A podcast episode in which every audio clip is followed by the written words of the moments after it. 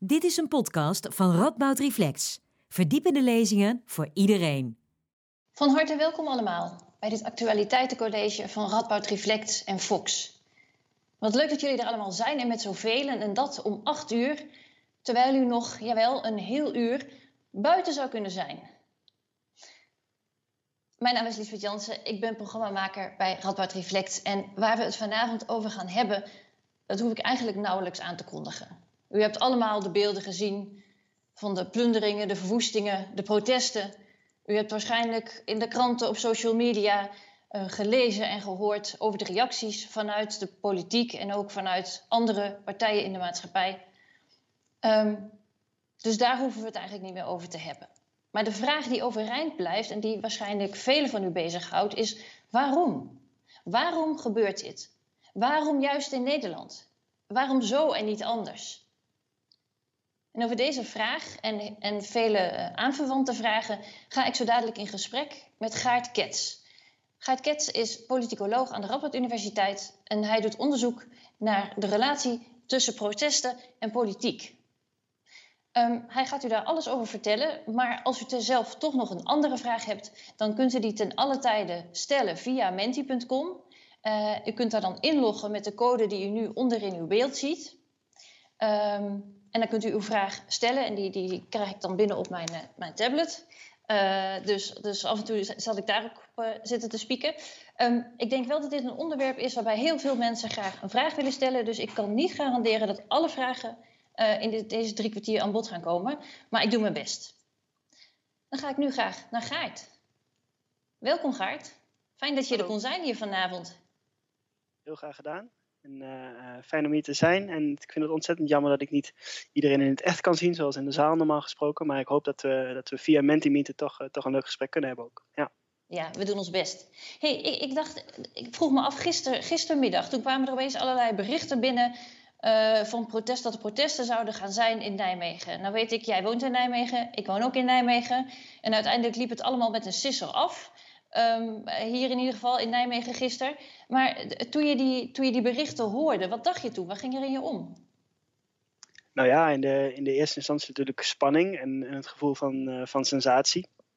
Hey, ik, ik, was druk met nakijkwerk, maar je, je wordt dan toch richting de, de livestream van de Gelderlander uh, en van Omroep Gelderland ge, gezogen om in de gaten te houden wat er nou gaat gebeuren. Dus, uh, zeker een gevoel van spanning. Uh, maar ook wel uh, uh, een zekere mate van professionele interesse zou je kunnen zeggen. het is natuurlijk buiten dat, het, dat je er van alles als, als mens en als bewoner van zo'n stad van vindt, is het, is het als onderzoeker wel waanzinnig interessant om, om zo'n fenomeen mee te maken. Ik ben, ik ben veel bezig met historisch onderzoek, dus ik ken het als, als een historisch fenomeen. Uh, maar om het nu in het echt ook mee te maken en ook die spanning daarvan te voelen, dat, uh, dat is wat dat betreft ook wel, ook wel erg interessant.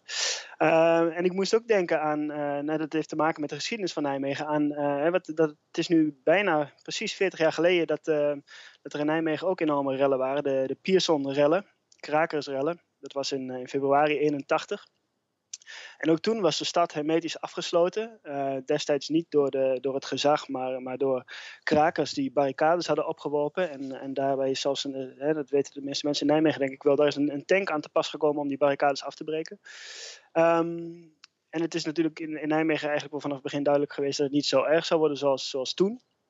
Uh, maar op dat moment, hè, rond, rond 7 uur, 8 uur, toen ik, uh, toen ik achter mijn computer en op televisie aan het kijken was wat er ging gebeuren, um, uh, was er wel degelijk die spanning van wat, wat gaat de avond brengen en, en, en hoe gaat het worden, ja. Ja, je, je zei net van, goh, als, als politicoloog kijk ik misschien met een net iets andere blik naar dit soort dingen dan de gemiddelde burger. Wat, wat, wat schoot jou te binnen? Wat was het waarvan je dacht, hé, hey, dat, dat, dat ontgaat waarschijnlijk de, de, gemiddelde, ja, de gemiddelde kijker of de gemiddelde de gemiddelde Nederlander ja. die dit hoort? Ja, uh, nou, ik, ik, ben denk ik zelf ook een heel gemiddelde Nederlander. Maar inderdaad, je, je hebt natuurlijk als, uh, als, als politicoloog probeer je meteen te begrijpen wat voor processen gaan hier achter schuil. En wat voor hè, een soort van uh, drijft mensen om, om de straat op te gaan. En wat voor soort protest of wat voor soort beweging is dit? Wat zit hierachter? Wie zijn dit die hier de straat op gaan?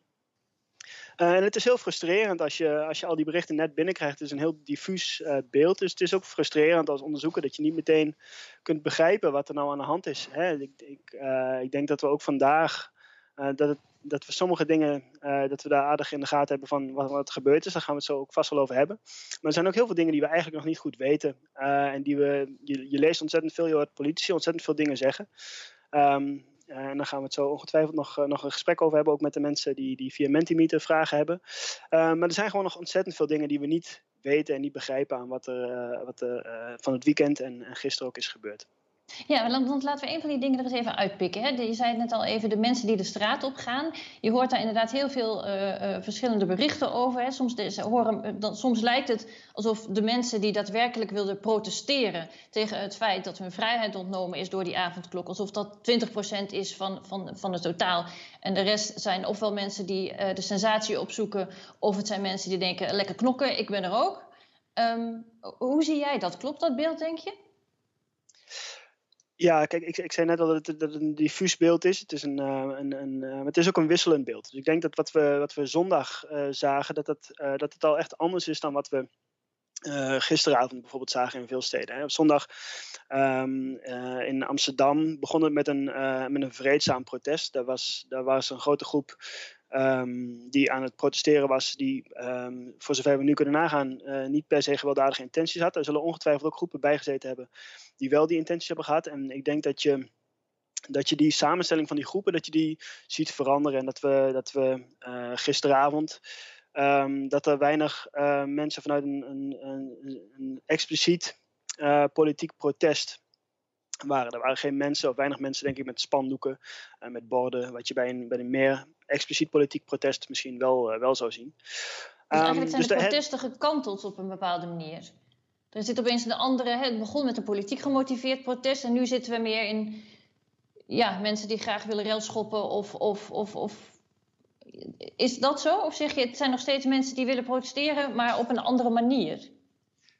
Ja, ik zou meer richting dat laatste neigen. Of in ieder geval, ik denk dat, dat uh, een van de frames die er nu opgezet wordt, hè, en dat is ook wat we onze eigen burgemeester Bruls hebben horen zeggen, is dat het protest gekaapt zou zijn door railschoppers ik denk dat je, dat je in ieder geval als wetenschapper voorzichtig moet zijn om meteen mee te gaan in, zo'n frame. Dat, dat is gewoon iets wat we nog niet goed weten.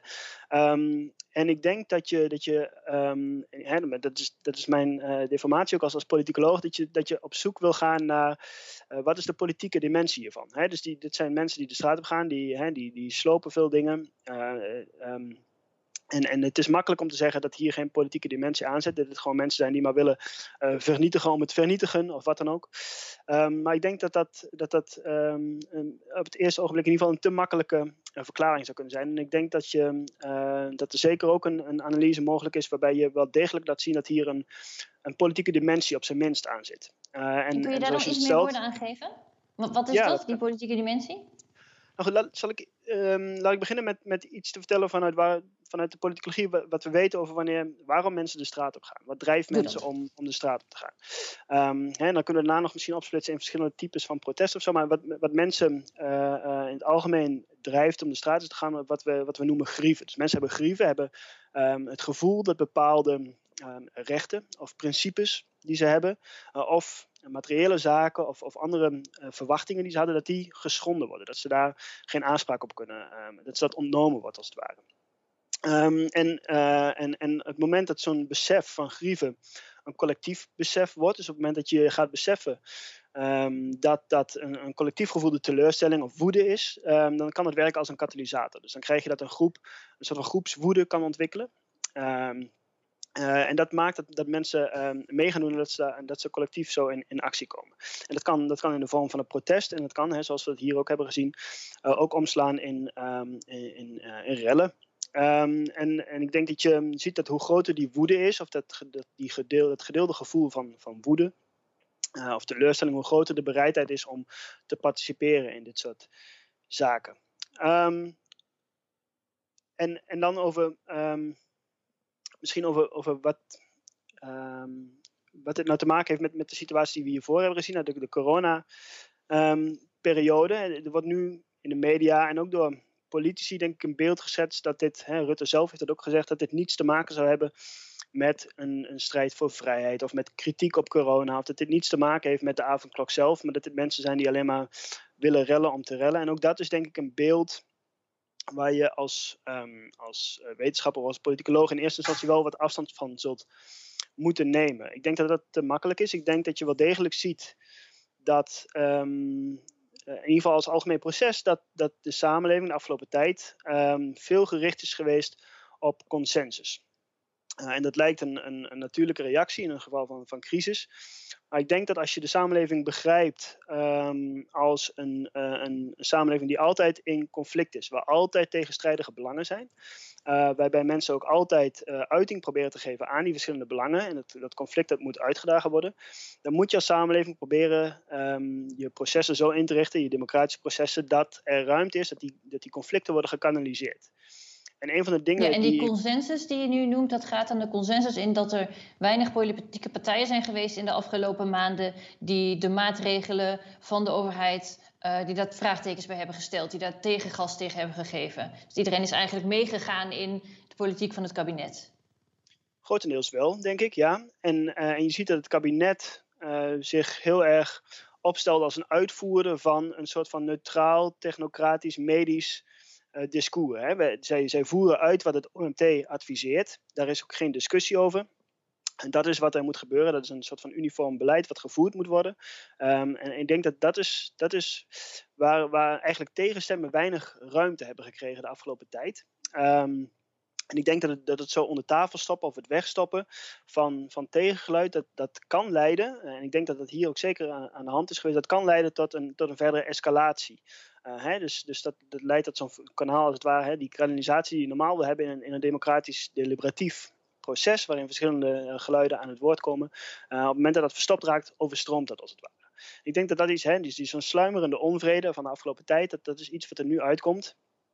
Um, en daar komt bij, denk ik, dat, er, de, dat deze avondklok juist weer specifiek enorm gepolitiseerd is. Hè. Dus hier zijn actief politieke partijen, ook nog tijdens de rellen, die hebben aangedrongen van dit is Rutte die onze vrijheid afneemt en we moeten strijden om die vrijheid terug te... Hè, dat, soort, dat soort termen zijn gebruikt. Moeten strijden om die vrijheid terug te, te veroveren. Nou, um, als je, als je zo'n gedepolitiseerde periode met sluimerende onvrede dan zo'n extreem gepolitiseerd onderwerp in één keer op tafel. Dat is, dat is wel potentieel explosief materiaal, denk ik. En ik denk dat dat voor een deel in ieder geval kan verklaren wat we, wat we de afgelopen dagen gezien hebben. En dat, het feit dat die avondklok zo enorm uh, explosief werkt, komt omdat het zo'n. Uh, ja, eh, een hele sterke beperking van, van de vrijheid is. Of wat maakt juist die avondklok? Had, had willekeurig welke maatregelen dezelfde invloed gehad nu? Ja, dat, dat, is, dat is moeilijk te zeggen. Dat is, dat is deels speculeren. Maar ik denk dat je dat de avondklok wel voor veel mensen die we, die we hebben gezien de afgelopen dagen, uh, dat zijn, uh, nou, als ik het zo inschat, vooral jongeren, jongvolwassenen. Uh, en dat waren, hè, daar was die avondklok ook specifiek voor bedoeld, hè, om te zorgen dat die nou uiteindelijk thuis gingen blijven. Uh, en ik denk dat die, die, dat die dat ook zo gevoeld hebben. Dat, dat ze nu, hè, ze kunnen al niet meer naar school, ze kunnen niet naar feestjes. ze hebben het gevoel dat dat soort zaken hen ontnomen wordt. Hè. Dat zijn die, die grievances, die grieven waar ik het over had. En ik denk dat je dit kunt zien als een, als een soort van hè, de druppel die de emmer dit overlopen. En, en misschien met andere maatregelen was dat ook gebeurd, maar ik denk dat, dit daar zeker hè, dit is maatregel was ook echt voor hem bedoeld. Dus het is niet gek dat ze dit als zodanig ervaren, denk ik. Um, dat is best begrijpelijk. Ja, ja en, en, als we dan gaan kijken zeg maar, naar de explosieve krachten van, hè, naar de, de excessen, dat zou je toch geloof ik wel zo mogen noemen. Um, vind je dan dat de overheid gepast reageert op deze rellen en protesten? Hm. Um, dat, kijk, ik, ik denk dat um, wat je zag tijdens de eerste golf, um, was dat er, um, dat er meer ruimte leek te zijn dan nu voor bijvoorbeeld demonstraties. dus, dus wat ik noem die, die gekanaliseerde vorm van, uh, van tegengeluid organiseren. Um, daar leek in de eerste golf meer ruimte voor te zijn dan nu. En, en dat is denk ik ook wat je zondag zag. Dus de directe aanleiding eigenlijk voor, uh, voor het escaleren is het moment. Um, nogmaals, dit is, dit is um, vers, hè? dus ik, hier moet nog goed onderzoek naar gedaan worden, maar het lijkt erop dat het moment van escalatie onder andere te maken heeft met het uh, behoorlijk stevig ingrijpen, het hard ingrijpen van de politie bij een verder vreedzame demonstratie in Amsterdam. Um, de politie heeft daar mensen die daar zaten te demonstreren, dat was verboden op die plek, hè, dus die, die mochten daar niet zijn. Ze bleven daar toch zitten, ondanks herhaalde oproep van de politie. Maar ze hebben toen behoorlijk hard, hè, met, met, met paarden, met uh, gummiknuppels, uh, hebben ze ingegrepen om die mensen um, die op dat moment niet gewelddadig waren van het museumplein af te, af te vegen. Um, dat, ik denk dat dat, hè, dat, dat, ik denk dat daar moreel van alles van te zeggen is. Daar is juridisch van alles van te zeggen. Maar ik denk in ieder geval pragmatisch ehm, is, het, is, het niet, is het achteraf gezien in ieder geval geen, geen juiste keuze geweest om daar zo stevig op te reageren. En, ehm, en ook als je nu kijkt naar de reacties op, op de rellen, hè, vanuit, vanuit de politiek, vanuit het gezag. zeker in eerste instantie, gisteren, zijn ze ook al iets op teruggekomen. Maar ehm, eh, hebben, ze dat, hebben ze in ieder geval geen, eh, wat we dan noemen, de-escalerend taalgebruik eh, toegepast. Dus ze hebben daar ehm, de, de weggezet als schuimde aarde, als eencellige geloof ik. Dus er was een burgemeester, ik geloof die van Den Bosch van Eindhoven, die het had over, over een burgeroorlog. Um, goed, ik, ik denk dat, dat dat dat niet, uh, niet de beste manier is om hierover over te praten. Niet op de korte termijn, omdat omdat het niet deescalerend werkt. Maar ook op de lange termijn. En daar kunnen we het misschien zo nog over hebben. Maar uiteindelijk moet je, moet je iets met deze ongenoegens. En moet je iets met deze burgers, want dat zijn het, die, um, die blijkbaar dit als enige uitlaatklep nog zien om hun ongenoegen kenbaar te maken. En ik denk dat dit zijn mensen die, die blijkbaar voelen dat ze op andere manieren buiten de boot vallen. En, en dit helpt niet om ze weer binnen de boot te trekken. Nee, ik ga nog heel, want ik wil ook heel graag van je horen wat jouw oplossing voor dit probleem zou zijn. ik ga je vast aanmelden voor de Nobelprijs. Maar ja. um, uh, uh, ik wil even terug op iets wat je net noemde, namelijk het taalgebruik. Inderdaad, wat door allerlei partijen in, dit, uh, in deze hele discussie gebezigd wordt. En inderdaad, het is vaak iets wat lijkt op oorlogstaal van, van, van beide kanten. Hè? Burgeroorlog, tuiganarchisme. Met, met alle respect voor de echte anarchisten onder ons. Um, um, uh, inderdaad, het helpt niet. Maar de vraag is ook een beetje: wat willen we ermee bereiken? Oftewel, is het eigenlijk ook niet een, een, een signaal van het feit dat we al in een enorm gepolariseerde samenleving leven, waarin we heel sterk geneigd zijn te denken in wij en zij? Hmm. Um, ja, ik, ik, weet niet of ik het precies uh, op die manier zou formuleren. Ik denk wel dat het uh, te maken heeft, hè, dat wij zijn, met dat je, dat je hier een groep hebt, zoals ik al zei, die zichzelf al uh, buiten de samenleving geplaatst voelt. Um, um, en ik denk dat, dat deze reacties van, van het gezag ook aangeven dat er een enorme kloof zit tussen deze, deze mensen uh, uh, die, ja, die op straat aan het rellen zijn. Want wie zijn. Ja, maar ik ga je toch even onderbreken, want klopt dat ja. wel? Want wie zijn ze dan? Want die groep is volgens mij zo vreselijk divers van, van mensen die nu zeg maar uh, in, in opstand komen. Wie, wie is dan ze? Ze ja. voelen zich buitenges, buitengesloten. Ja, dat is, dat is een hele goede vraag. En, ehm, en hier moet ik zelf ook oppassen dat ik niet te veel verval in stereotypen die we in de, in de media op dit moment zien. Um, maar ik denk dat we, uh, het lijkt erop dat een groot deel van de groepen die we nu gisteravond en, en misschien vandaag ook uh, uh, op straat zien, om, om, die echt aan het rellen zijn, die, die conflict met, met het gezag opzoeken, confrontatie, dat dat jongeren zijn, jongvolwassenen, jongeren, scholieren. Ook bij de mensen die opgepakt worden zitten ook een hoop um, kinderen nog, van de jaren 14, 15. Um, dus, dus dat is wat ik vooral. Dus dat zijn, dat zijn mensen die, waar bepaalde ongenoegens leven, maar die zich ook waarschijnlijk vervelen op het moment. En waar dit een vorm van sensatie en van entertainment voor is, waarschijnlijk. maar dit is, um, um, hier gaat het richting speculatie, want, want heel eerlijk gezegd, en heb je gelijk in, weten we niet precies wie dit nu zijn. dus we moeten hier ook een klein beetje geduld hebben als wetenschappers, maar ook als, als burgers, om te kijken van wie, welke groep is dit nu? Um, maar dat ze, dat ze bepaalde mate van ongenoegens hebben, lijkt, me, uh, lijkt me evident. Ja, dat lijkt me evident, inderdaad. Ja. Hey, een ander punt, hè. in diverse buurlanden zijn ook, is ook de avondklok ingevoerd. Um, toch is daar geen sprake van rellen, voor zover ik weet. Uh, is daar het politieke proces tot nu toe anders geweest? Zijn mensen daar wel gehoord? Of is dit misschien ook een, uh, dat het hier gebeurt, een, een, ligt dat aan het feit dat wij zo gehecht zijn aan onze, aan onze vrijheid en het gevoel hebben dat we, ja, dat, we, dat we ons niet willen laten beperken op geen enkele manier? Hm. Ja, interessante vraag. En ik, ik kan hier geen uh, volwaardig uh, antwoord op geven, denk ik. Kijk, eh, inderdaad, dus in heel veel buurlanden van ons is ook een avondklok. Hè, in Frankrijk en in, België, Duitsland, sommige gebieden, sommige landen. Um, daar, voor zover ik weet is daar, is daar, zijn daar geen rellen geweest. Ik begreep dat vandaag dat in België dat ze bang waren dat, dat de rellen zouden, zouden overslaan. Hè, zoals we ook in Nederland zien, dat ze, dat ze overslaan tussen steden. Uh, ik, ik, las er net in de Gelderlanden dat ze nu zelfs in mijn geliefde Achterhoek uh, verwachten dat daar, uh, dat daar nog rellen zullen uitbreken. dus je ziet dat dat, dat overslaat. Dat is overigens een heel, heel veel voorkomend fenomeen bij, bij dit soort rellen en, revoluties en protesten. Um, dus, maar we hebben dit soort protesten niet gezien tot nu toe in, in, uh, in onze buurlanden of in andere landen in Europa. In ieder geval ik niet. Um, um, en, en ik kan daar nu nog geen, uh, geen goede verklaring voor vinden. Ook omdat ik niet weet hoe dit soort debatten over corona precies, precies hebben plaatsgevonden in, in andere landen. Um, wat, wat wel interessant is natuurlijk, is dat, dat er vandaag veel gezegd werd over dat dit on-Nederlands zou zijn. Uh, of dat het, uh, hè, zoals jij het zegt, misschien is het juist wel typisch Nederlands. Uh, dat, we, dat we een bepaalde volksaard hebben die erg gehecht is aan vrijheid. Dus ik denk dat dat soort um, interpretaties zijn, zijn niet per se behulpzaam, denk ik, om te begrijpen wat hier nu aan de hand is.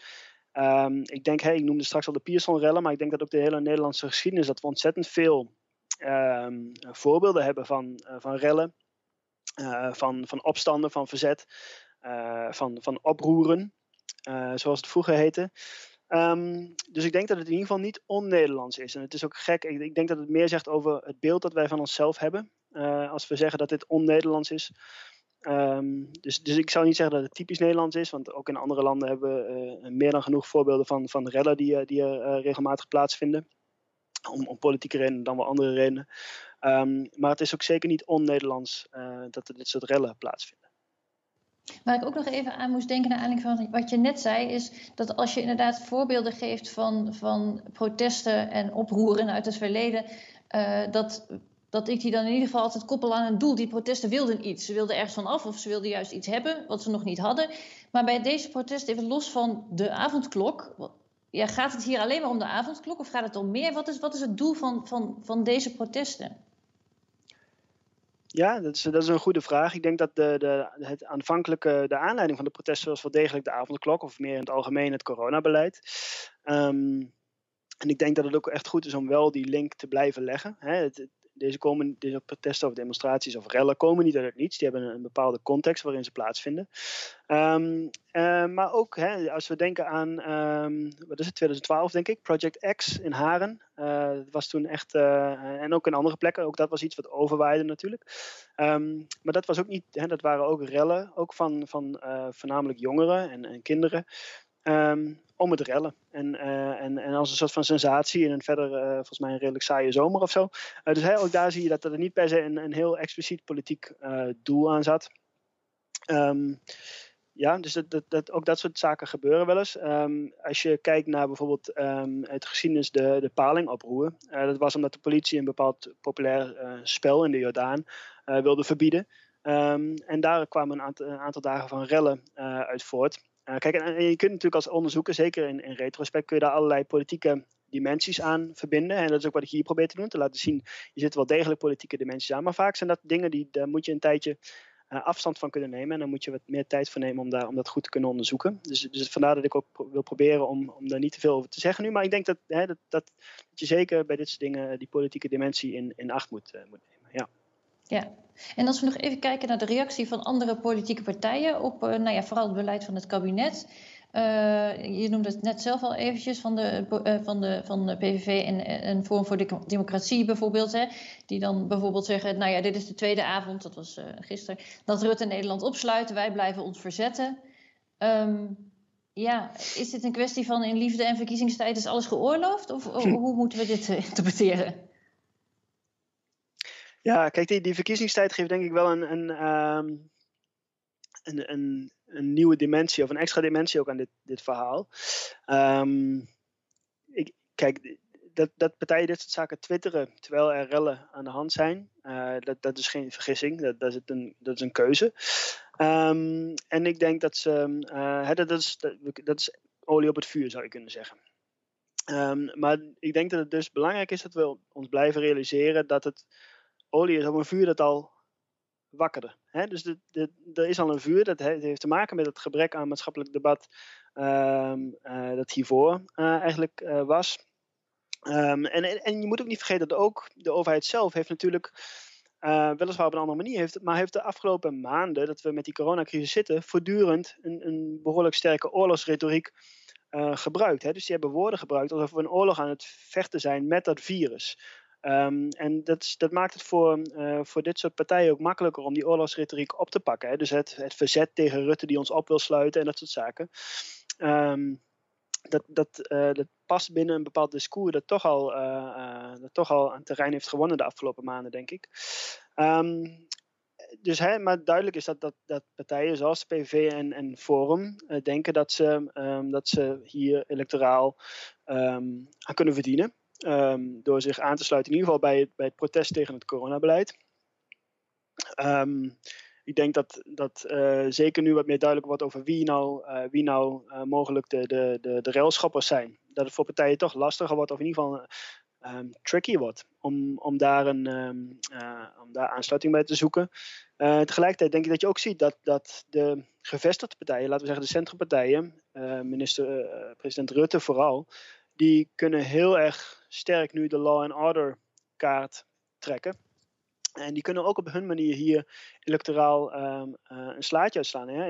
Rutte heeft al eens eerder, vlak voor de verkiezingen, um, een soort van law and order eh, kaart kunnen trekken door, door op te treden tegen Turkse Nederlanders die aan het rellen waren, ik geloof in Rotterdam destijds.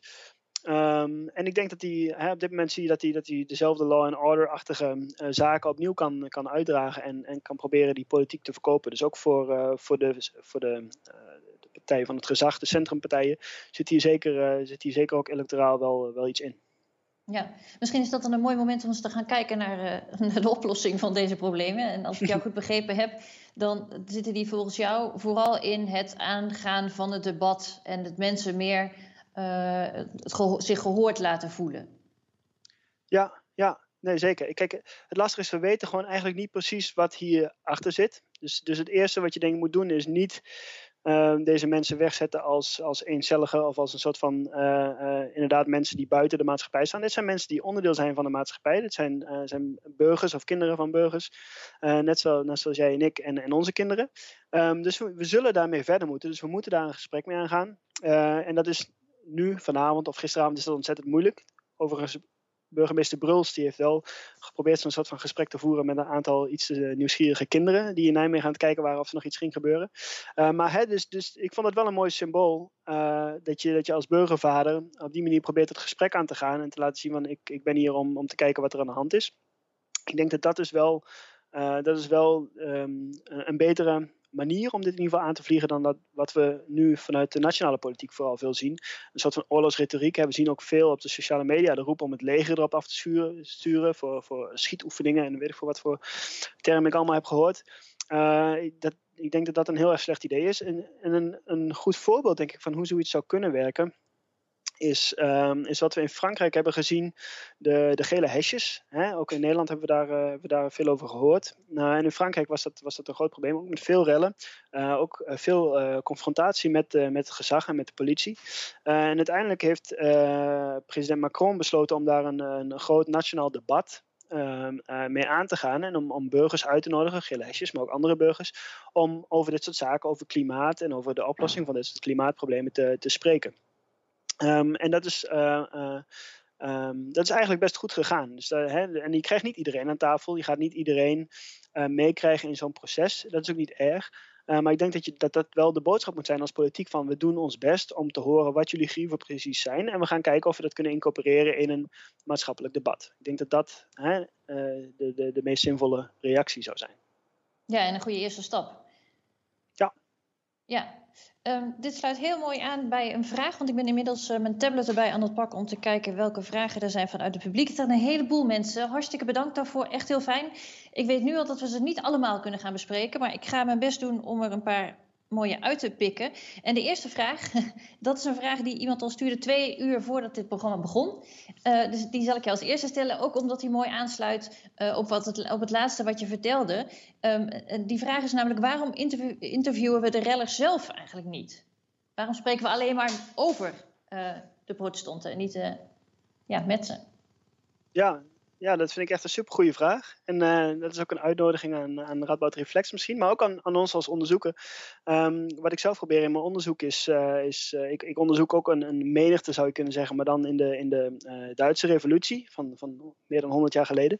En wat ik daar probeer te doen is ik probeer de, hè, dus de, de menigte niet als menigte te behandelen, maar om te kijken wie zit er dan nou achter. Wat waren ideeën die leefden bij deze mensen die in opstand kwamen, die een revolutie pleegden tegen, de Duitse, tegen het Duitse keizerrijk.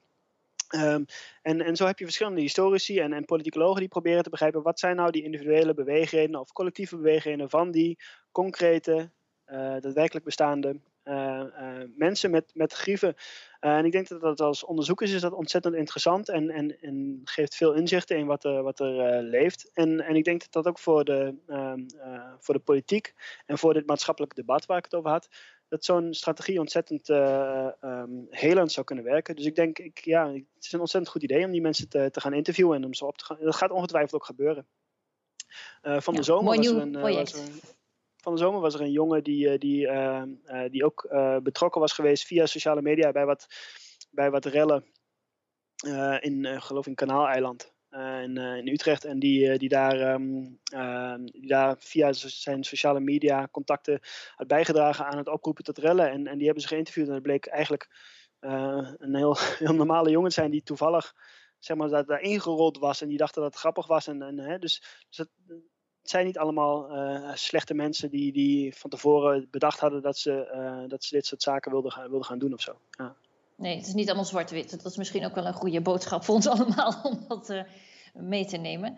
Uh, iemand anders vraagt: wat is de verklaring dat zo'n kleine groep mensen gaat rellen, terwijl zoveel mensen er zoveel last van hebben, onvrede, gevoelens enzovoort enzovoort? Ja, dat is, dat, is, dat is een hele goede vraag. En dat is denk ik ook een. Uh, dat is ook goed om je te beseffen. Dat hè, we, het gaat nu om, om hier en daar 150 of, of soms 50 railschoppers.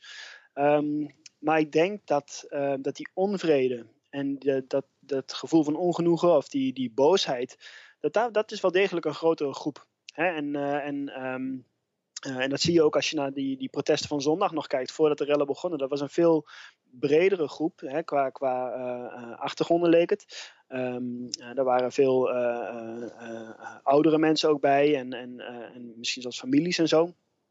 Um, er waren zelfs ook nog uh, hooligans bij aanwezig die daar uh, de confrontatie met de politie zochten. Terwijl we de afgelopen dagen hebben gezien dat die hooligans juist weer uh, aan de kant van, van de politie gingen staan of zo om de, om de stad te beschermen.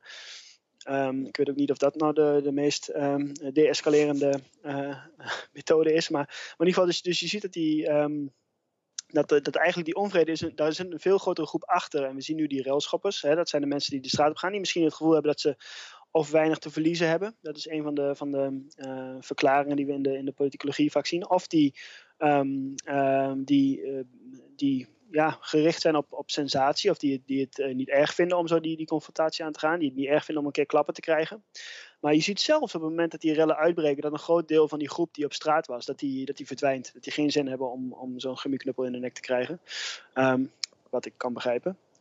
dus, dus, dus inderdaad, op, op straat zien we maar een heel klein kleine groep. Maar ik denk dat het goed is om je te beseffen, en daarom is deze vraag ook wel goed, uh, dat daar een, heel groot, een veel grotere groep in ieder geval achter zit. Um, uh, die, die gevoelens van ongenoeg heeft. En ik denk dat daarom ook partijen als de eh, PVV en de Forum denken dat ze hier electoraal wat op kunnen winnen. Ja. Um, een heel andere vraag. Iemand zegt, het, kan gebeuren dat de sociale media ondergronds gaat. Hè, dat mensen toch kanalen vinden om met elkaar te communiceren. Uh, zonder dat de overheid en de politie daar uh, zicht op heeft. Um, is de politie ook voorbereid op onverwachte protesten? Uh, nou, ik denk dat we, dat we afgelopen dagen hebben gezien dat, ze, dat dat heel erg wisselt. Kijk, um, uh, ik, ik, weet niet genoeg van, van de processen bij de politie, hoe ze hiermee omgaan. Maar ik denk dat in Den Bosch las ik vandaag berichten over dat de burgemeester daar nogal ontstemd was over het feit dat de ME pas, uh, pas erg laat kwam opdagen, omdat ze op andere plekken nodig waren in, uh, in Brabant. Um, dus blijkbaar was de, was de politie, in ieder geval weten ze niet precies waar dit soort groepen, waar die zich naartoe bewegen. En als je ook die, sommige van die chatberichten, of die chat-apps, ehm, die zijn hè, in Telegram en zo, die zijn, zijn gepubliceerd inmiddels. En dan zie je ook dat ze vrij snel kunnen, kunnen schakelen. Dat, dat de berichten binnenkomen van, nou, in, in Nijmegen is te veel politie, we gaan naar Wiegen. Of we gaan naar Groesbeek. Of, hè? Dus, ehm, dus ik denk dat, dat dat soort zaken, dat is voor de politie natuurlijk wel lastig om daarmee om te gaan. Ja, ja. Ik heb geen idee in hoeverre de politie geïnfiltreerd is in dit soort groepen. Uh, het leek erop in Nijmegen in ieder geval dat ze, uh, dat ze de boel aardig in de smiezen hadden. Mooi. Um, een vraag die ik zelf wel interessant vind. Iemand zegt over de karakteristieken van de railschoppers valt één ding op, namelijk gender. Het zijn eigenlijk vooral mannen. En waarom zijn die zo over, oververtegenwoordigd in de groep railschoppers? Ja, dat is wel interessant. Uh, daar lijkt het wel op. Um, en ik moet ook hier dus oppassen dat ik niet ga, ga speculeren. We weten dit gewoon echt nog niet. Uh, we weten hier echt nog niet genoeg van. Maar dat, uit de beelden lijkt het zeker zo dat, dat er veel, uh, veel uh, jongens of jonge mannen uh, zijn die op straat zijn. Um, ik, ik, zag wel dat in veel van de interviewtjes en veel van de beelden eromheen, dat veel van de omstanders, dat daar de, de genderbalans wat meer in balans leek. Uh, ik weet niet of we hier ook quota voor moeten gaan toepassen, maar, maar daar leek wel dus dat er ook veel, veel meiden, jonge meiden, aan het, aan het kijken waren. en ik denk dat bij de, bij de protesten die we de afgelopen weken hebben gezien, maar ook vorig weekend, uh, dat daar uh, wel degelijk ook ontzettend veel uh, vrouwen en meiden bij, bij aanwezig waren. Dus ik, ik weet niet of bij de coronademonstraties of je daar ook zo'n verschil hebt in de, in de genderbalans. Maar het, is, het lijkt er zeker op dat bij de, bij de rellen zelf, dat de, de mensen die de confrontatie aangaan met met de politie, dat het vooral mannen waren. Ja.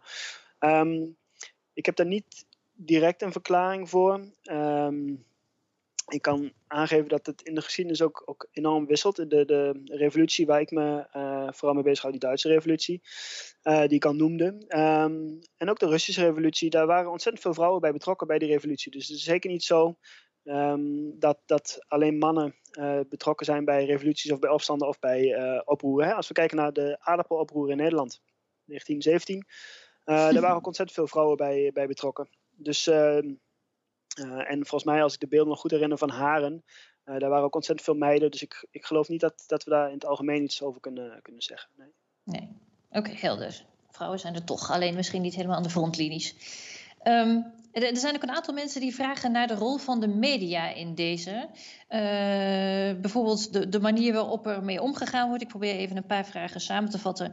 Uh, ja, de manier waar, waar, waarop er, nou ja, niet alleen maar over deze rellen, maar ook breder eigenlijk over de hele coronaproblematiek. Uh, mensen hebben het gevoel dat er toch vrij eenzijdig uh, de, de aandacht voor is. Hè? Dus dat ook, ook daar alleen maar de technocratisch-medische discours wordt, wordt gevoerd.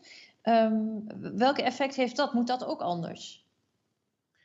Ja, dat is wel, dat is wel een interessante vraag. Toevallig. Um, um, vandaag keek ik een, een paper naar van een aantal van mijn studenten die uh, onderzoek hebben gedaan naar de, de rol van de media tijdens de coronacrisis. En vooral de eerste maanden, waarin bijvoorbeeld ook het recht op, uh, op WOP-verzoeken uh, ongedaan was gemaakt. Dus ze mochten geen gebruik maken van, van WOP, WOP-verzoeken. Hè? Dus ze konden minder goed de overheid controleren. Um, maar je ziet ook dat vaak in zo'n zo'n crisissituatie, dat er zeker in eerste instantie, dat er een soort van rally round the flag um, effect is, hè, waarbij de media um, uh, vooral spreken in de taal van, van, van het gezag, de taal van de regering. Um, en ik denk dat je nu nog steeds wel hè, dat je, nou, een voorbeeld van onze eigen universiteit, René ten Bos, heeft, had een stuk geschreven waarin die kritiek uit op, op bepaalde discussies die we wel of niet voeren. En op wat, hoe we nou die corona-aanpak ehm, moeten, moeten duiden. Um, nou, wat, wat je ook van dat stuk vond, maar het is duidelijk dat op het moment dat het verscheen, um, dat het problemen opleverde met LinkedIn. Hè, en dat, dat, dat die, maar daar waar hij aan het woord kwam, daar werd hij al snel in de hoek gezet van een soort van, van onderdeel van de corona-gekkies. En het enige praatprogramma waar hij dan nog wordt uitgenodigd is bij Café Weltschmerz. Nou ja, daar wil je eigenlijk ook liever niet zitten, snap je? Dus, dus je wordt snel in zo'n hoek gedoe. En voor dit soort. En ik denk dat hij wel een punt. En dat is ook wat ik probeer aan te geven met die, met die, uh, met die consensus die mogelijk escalerend kan werken. Uh, op het moment dat je dit soort um, uh, kritische stemmen te weinig ruimte geeft, dan is dat, is dat wel gevaarlijk. En dat kan er dus uitlopen in dit soort opgekropte gevoelens van, van woede of het gevoel niet gehoord te worden. Dus ik denk dat, dat, dat daar zeker wat in zit. Ja. En dat de rol van de media daar ook wel kritisch bij bekeken mag worden. Ja. ja. Um, iemand stelt een hele nuchtere vraag en zegt: Is het niet ook gewoon zo dat we toe zijn aan een collectief verzetje, brood en spelen, om de verveling tegen te gaan? Uh, ik, weet, ik weet niet wie die bedoelt met we. um, maar, uh, ik denk ik de Nederlandse samenleving of zoiets. Ja, ja. Eh, ja, ik ben daar zeker aan toe. Um, maar ik zoek dat toch ergens anders dan, dan, uh, dan in het rellen. Maar ik denk dat, hey, ik snap wat er achter de vraag zit. Hij zijn het niet gewoon jongeren die zich vervelen en die daarom maar de boel gaan slopen. Hey, nogmaals, we weten nog niet precies wat deze mensen drijft, maar het lijkt zeker een deel van de, van de verklaring te kunnen zijn dat, dat dit gewoon jongeren zijn die zich vervelen en die het leuk vinden. Hè. Een aantal van de interviews die ik heb gezien met mensen die, die uh, gereeld hebben, daar zeiden ze ook van, ja, leuk, even kijken wat er gebeurt. Uh, kat en muisspel met de politie. Ja, uh, dus, dus ik denk dat zeker voor een deel van de, van de deelnemers zal dit zeker een, een, een motief zijn. Wat niet, ja, wat niet uitsluit dat er ook andere motieven zijn. Hè? Dat er wel degelijk misschien politieke motieven zijn. Of dat, hè? dat sluit het niet uit. Maar ik denk dat zeker dit een van de motieven zou kunnen zijn. Ja, ja ik moet ook denken aan een boek van Arno Grunberg. Uh, over de vijand heet het geloof ik. Uh, waarin hij zegt, ja mensen hebben gewoon, we hebben gewoon als, als, als maatschappij, we hebben een vijandbeeld nodig. Uh, en als dat misschien niet buiten ons bestaat, dan zoeken we het binnenin. ja, nou kijk, ik, ik denk dat de, de kunst van een, uh, van een goede, van een gezonde democratie is om juist om dat vijandbeeld.